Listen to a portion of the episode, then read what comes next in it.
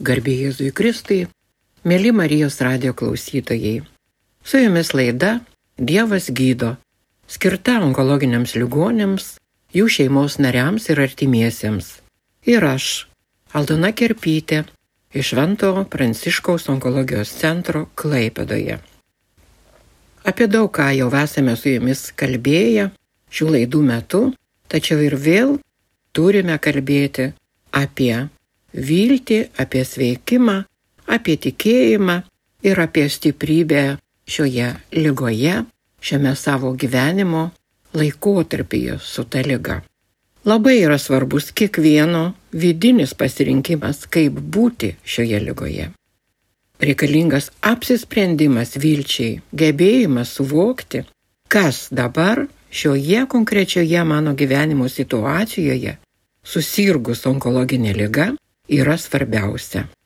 Ką galiu nuveikti, padaryti, ką pakeisti, ar pačiam pasikeisti, atsiprašyti, pasakyti, kad mylite savo šeimą ir artimuosius, atsiverti Dievui, sukurti su juo stiprų ryšį, priimti iš Dievo malonę ir palaimą, atsiliepti į jo meilę.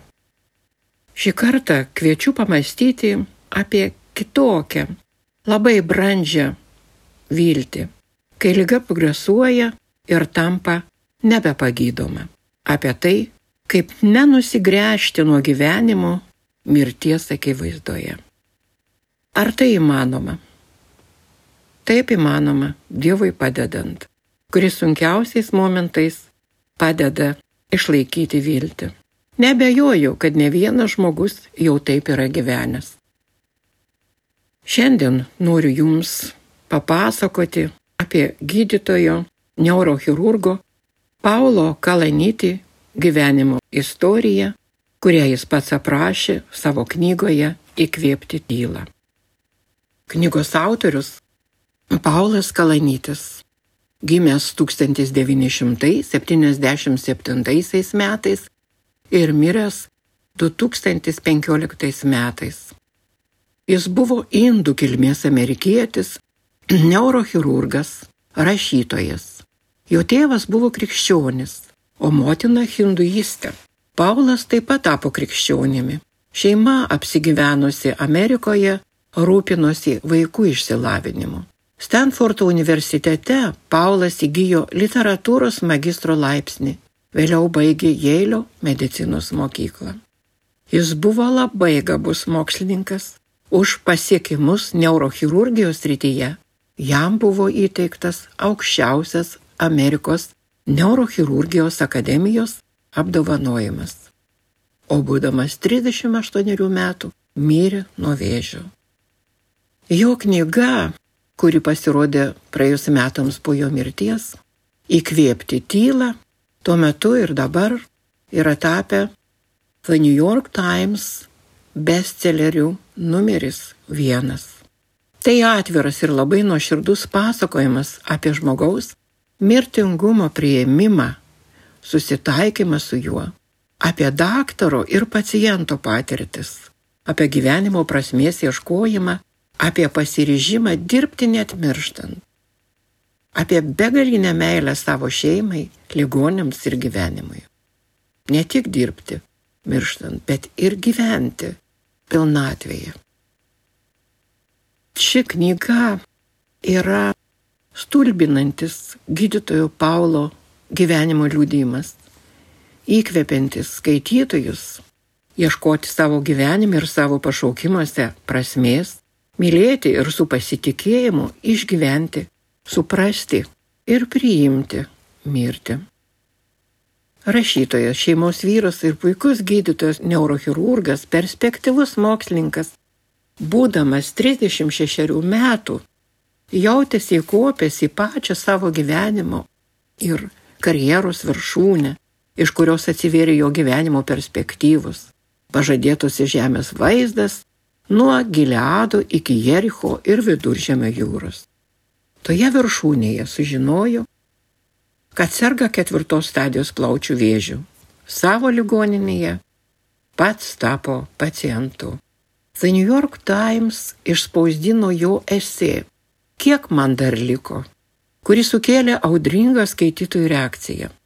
Paulas rašė apie laiką ir apie tai, koks svarbus jam tapo laikas dėl lygos. Vežys išspaudė iš Paulo visus syvus, bet suteikė dar šiek tiek laiko. Todėl jis ryžosi parašyti knygą apie savo patirtį lygoje, apie tai, kaip išsaugoti gyvenimo prasme mirties akivaizdoje, kaip gyventi, kai tavo gyvybė pamažu blėsta. Paului paskyrė palatą tą pačią, kurioje jis šimtams ligonių aiškindavo apie mirtiną diagnozę, sudėtingos operacijos eigą, sveikino pasveikusius ir džiaugiasi sugrįžtančiais į gyvenimą. Čia skelbė ir pacientų mirti. Paulas klausė savęs, kodėl vilkėdamas chirurgo halatą savimi pasitikėjau, o su paciento pižama jaučiuosi toks nuolankus. Nes mirštantis jo paties kūnas atskyrė jį nuo sveikųjų gyvenimų, o įsivaizduojama ateitis tiesiog išnyko. Visi mirsime, rašė autorius. Ir mes, ir mūsų pacientai, nes tai mūsų visų gyvų kvepuojančių, metabolizuojančių organizmų lemtis.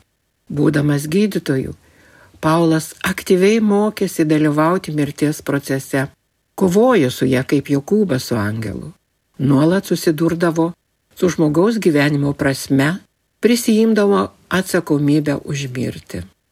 Pacientų gyvenimai bei tapatybė būdavo gydytojų rankose, bet mirtis dažnai laimėdavo.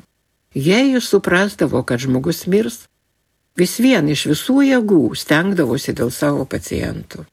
Paulas labai atvirai aprašė savo jausmus ir mintis. Darbe man taip gerai pažįstama mirtis nutarė asmeniškai užsukti ir pas mane. Pagaliau susitikome akis į akį, bet nors turėjau patirties, jaučiausi sutrikęs. Staiga pasvirtau pasimetusią, sutrikusią avelę. Sunki lyga nekeičia gyvenimą, bet jį sulaužo. Tačiau, kas moko žmonės mirti, kartu moko juos gyventi. Atėjo supratimas, kad susidūrus su mirtingumu akis į akį, pasikeičia viskas ir kartu niekas nepasikeičia. Visi žino, kad yra mirtingi. Tik niekas nežino, kada mirs.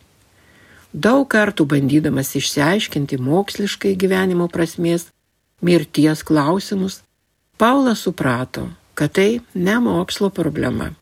Mirties faktas visada kelia nerimą. Tačiau kitokio būdo gyventi nėra. Pacientai trokšta ne mokslinių žinių, kurių turi gydytojas, o egzistencinio autentiškumo, kurį kiekvienas turi rasti pats. Pamačiau mirti kaip gydytojas ir kaip ligonis, rašė Paulas. Kaip gydytojas suprantu, ką reiškia sirgti bet tik viską patyrus savo kailiu, iš tiesų galim suvokti, kas tai yra. Pavyzdžiui, kai pastato lašelinę, burnoje jauti į kraują patenkančius druskos skonį. Išsiaiškinau, kad taip yra visiems, bet net 11 metų išdirbęs gydytojų, aš to nežinojau.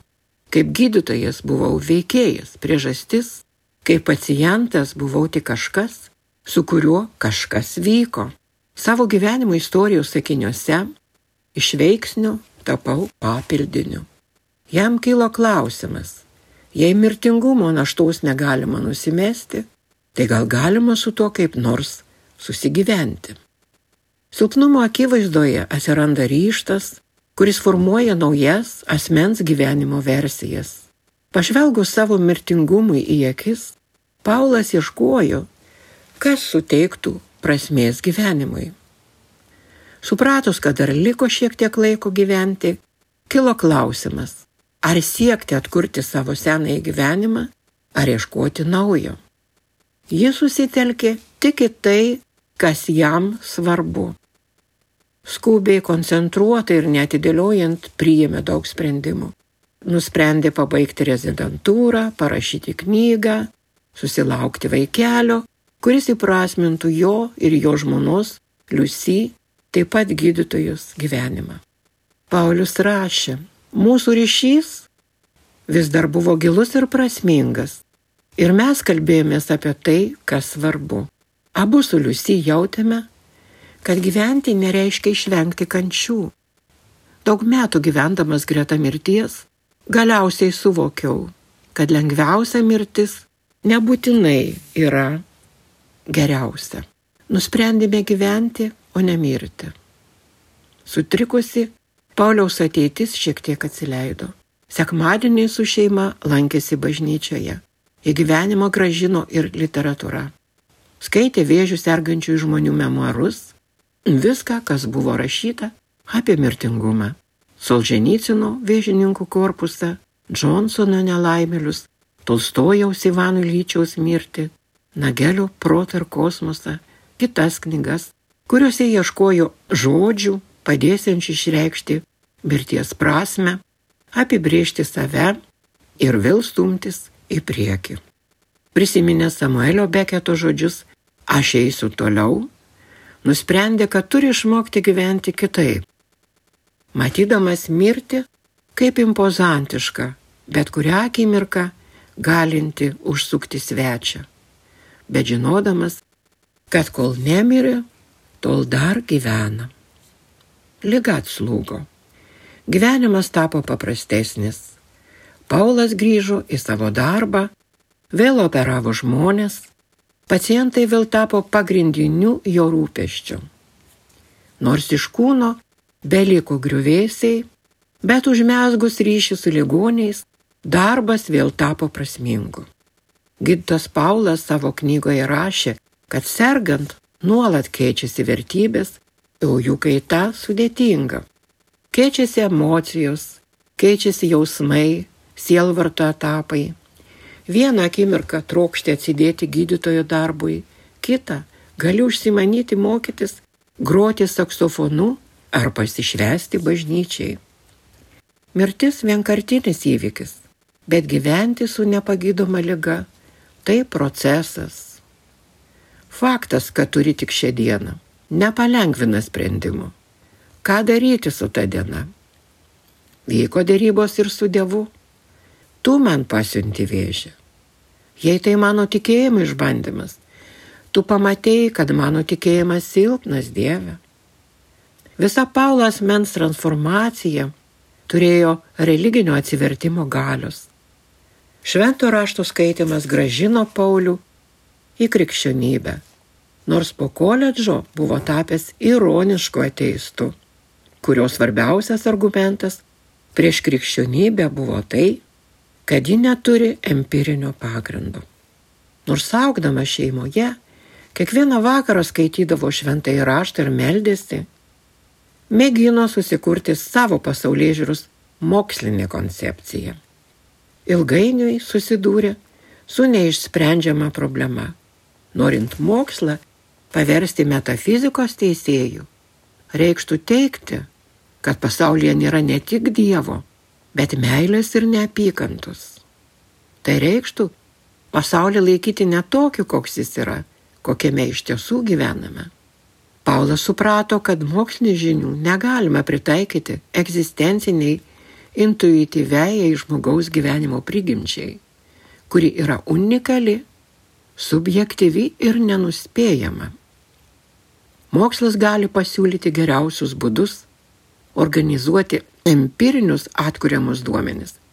Bet mokslo gale šioje srityje yra paremta visišku negebėjimu apimti svarbiausius žmogaus gyvenimo aspektus - viltį, baimę, meilę, neapykantą, grožį, pavydą, garbę, silpnumą, atkaklumą, kančią, skaistybę.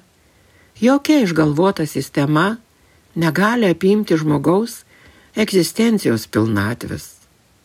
Paulas grįžo prie pagrindinių krikščionybės vertybių - aukos, atpirkimo, atleidimo. Jo nuomonė svarbiausia, ką Jėzus nori pasakyti mums, gailestingumas visada nugali teisingumą. Sunkus gydimas tik atitolino Pauliui lygą, bet po kurio laiko Liga sugrįžo dar piktesnė. O tuo metu gimė dukrytė. Laikydamas rankose ką tik gimusi vaiką, Paulas regėjo ne tik tuščią savo gyvenimo dykumą, bet ir paprastą, naują lapą, kuriame jo gyvenimas tęsis. Laikas jam tapo dviejopų, kiekvieną dieną tolstančių nuo paskutinio recidyvo, bet artėjančių prie mirties. Kilo impulsas pašėlusiai aktyviai veikti, paimti viską iš gyvenimo Tačiau vėžys yra iščiulpęs visas jėgas. Kiekvienai dienai išgyventi lieka mažiau jėgų. Laikas mažiau siejamas su tiksinčiu laikrodžiu, o labiau su būsena. Atsirado erdvės pojūtis. Dabar nei paros metas, nei savaitės diena nieko nebereiškia. Veiksmažodžių laikai taip pat susipainiojo. Būsimasis laikas atrodo beprasmis, iš esamojo pereita į būtąjį laiką. Paulas jautė, kad ateitis tai nelaiptai į gyvenimo tikslus. Jis susilygina su amžina dabartimi. Tačiau vienu aspektu ateitis jam liko labai svarbi. Tai jo dukters gyvenimas. Jis rašė, šiam kūdikiai, kuris yra ateitis, trumpam sutampanti su manimi, aš žmogus, kurio nepaprastas gyvenimas tai yra tik praeitis, galiu pasakyti tik vieną dalyką. Galiu jam pasakyti tik tai. Kai gyvenime ateis akimirka, kai teks atsiskaityti, pateikti ataskaitą apie tai, kas buvai, ką darėjai ir ką reiškia į pasauliui, jokių būdų maldauju tavęs, jokių būdų nesumenkink to, kad užpildėjai mirštančio žmogaus dienas tikru džiaugsmu, džiaugsmu, kurio niekada anksčiau nebuvau patyręs.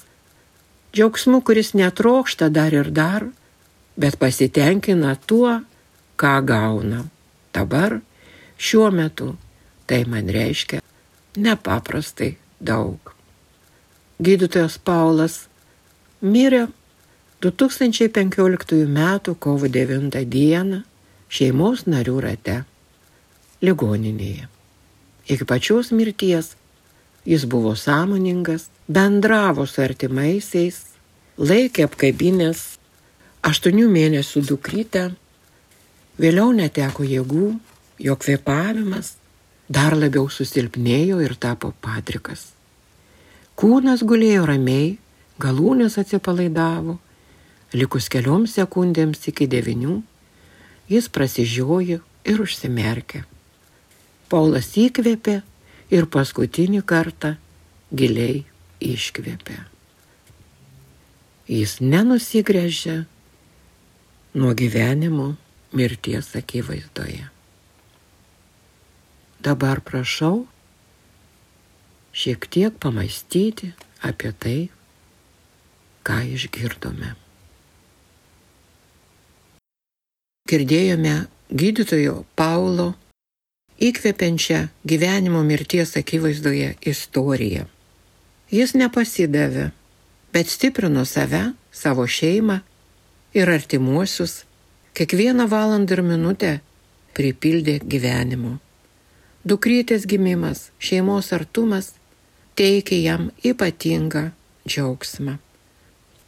Šių metų popiežiaus žinioje pasaulinės ligonių dienos proga popiežius Pranciškus apmasto ypatingą ligonio artimųjų santyki su sergančiuoju. Jis rašo, pirminė slaugos forma, kurios mums reikia susirgus, yra atjautos ir švelnumo kupinas artumas. Todėl rūpintis sergančiuoju žmogumi pirmiausia reiškia rūpintis jo santykiais, visais jo santykiais - su Dievu, su kitais, šeima, draugais, sveikatos priežiūros darbuotojais, su kūrinyje, su pačiu savimi. Ar tai įmanoma? Taip tai įmanoma. Ir mes visi esame pašaukti įsipareigoti tai įgyvendinti. Pažvelkime į gerojo samariečių įvaizdį, į jo gebėjimą sulėtinti tempą ir tapti artimu, į jo švelnumą, su kuriuo jis rūpinasi kenčiančio brolio žaizdomis. Prisiminkime šią pagrindinę mūsų gyvenimo tiesą. Atėjome į pasaulį, nes kažkas mus priėmė. Esame sukurti mylėti. Esame pašaukti bendrystę ir brolystę. Šis mūsų būties dėmuo mus palaiko, ypač kai sergame ir esame silpni. Ir tai yra pirmoji terapija, kurią visi kartu turime taikyti, kad išgydytume mūsų ligas. Pasak popiežiaus Pranciškaus, sergantysis yra kviečiamas suprasti, kad bet kokioje gyvenimo situacijoje žmogus nepraranda savo egzistencinės vertės. Antanas Maceina knygoje Jobo drama rašo, Kančios prasme yra paruošti mūsų egzistenciją taip, kad joje suspindėtų Dievas. Prašydama šventosios dvasios gyvo tikėjimo, kenčiantis žmogus gali priimti Dievo ir savo artimųjų ar ligoniais besirūpinančių meilę, išgyventi bendrystę su kitais, aukti meilėje, mokytis dėkingumo Dievui ir artimui. Dievas kančioje solidarizuojasi su kiekvienu žmogumi, tai yra jo meilės atsakas žmogui. Žmogus pažįsta Dievo artumą ir meilę. Jobas savo patirties pabaigoje Dievui pasakė, anksčiau savo ausimis girdėjau apie tave, o dabar mano akis mato tave. Popiežius Pranciškus taip pat drąsina ligonius, sakydamas jiems, kad netgi tuo met, kai lyga, vienišumas ir neįgalumas ima viršyti gyvenimą kaip savęs dovanojimą kitiems, kančios patirtis gali tapti privilegijuotų malonės laikų ir versme širdies išminčiai įgyti ir stiprinti. Žmonės, kurie pasinėrė kančios ir skausmo slėpinyje, bet priima tai su tikėjimu, gali tapti gyvais liudytojais tikėjimo, kuris leidžia apsigyventi kančioje, nors žmogaus protas to neįstengia suprasti. O dabar kviečiu pasiklausyti dvasę raminančių ir stiprinančių, ligoninėse esančių, sargančiųjų maldų. Čia nėra tikri namai viešpatie. Čia aplinka visiškai neįprasta, daug kas svetima. Tyrimai, gydimas ir vaistai yra pagrindinė mano dienos dalis. Jaučiu informacijos perteklių. Nepleidžia mintis. Geriau aš būčiau savo namuose, net jeigu jie nėra tobuli žmonės ligoninėje yra draugiški, šilti ir dėmesingi, bet vis tik mes vieni kitų nepažįstame.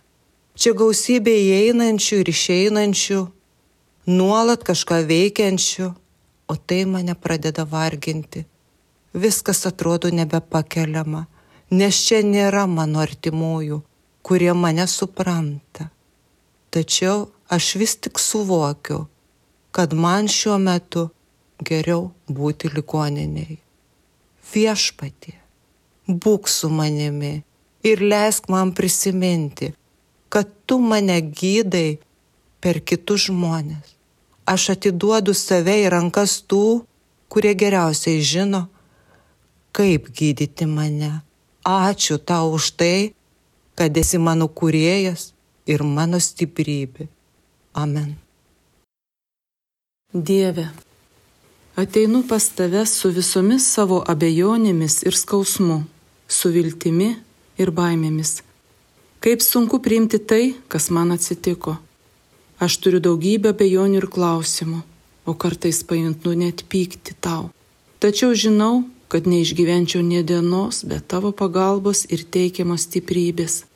Būdamas silpnas, aš išlieju visą savo sielvartą, savo ašaras, savo gailestį ir savo abejonės tau. Prašau, paimk ir nešiok mane tokį, koks aš esu. Suteik man Dievę ramybės dvasę.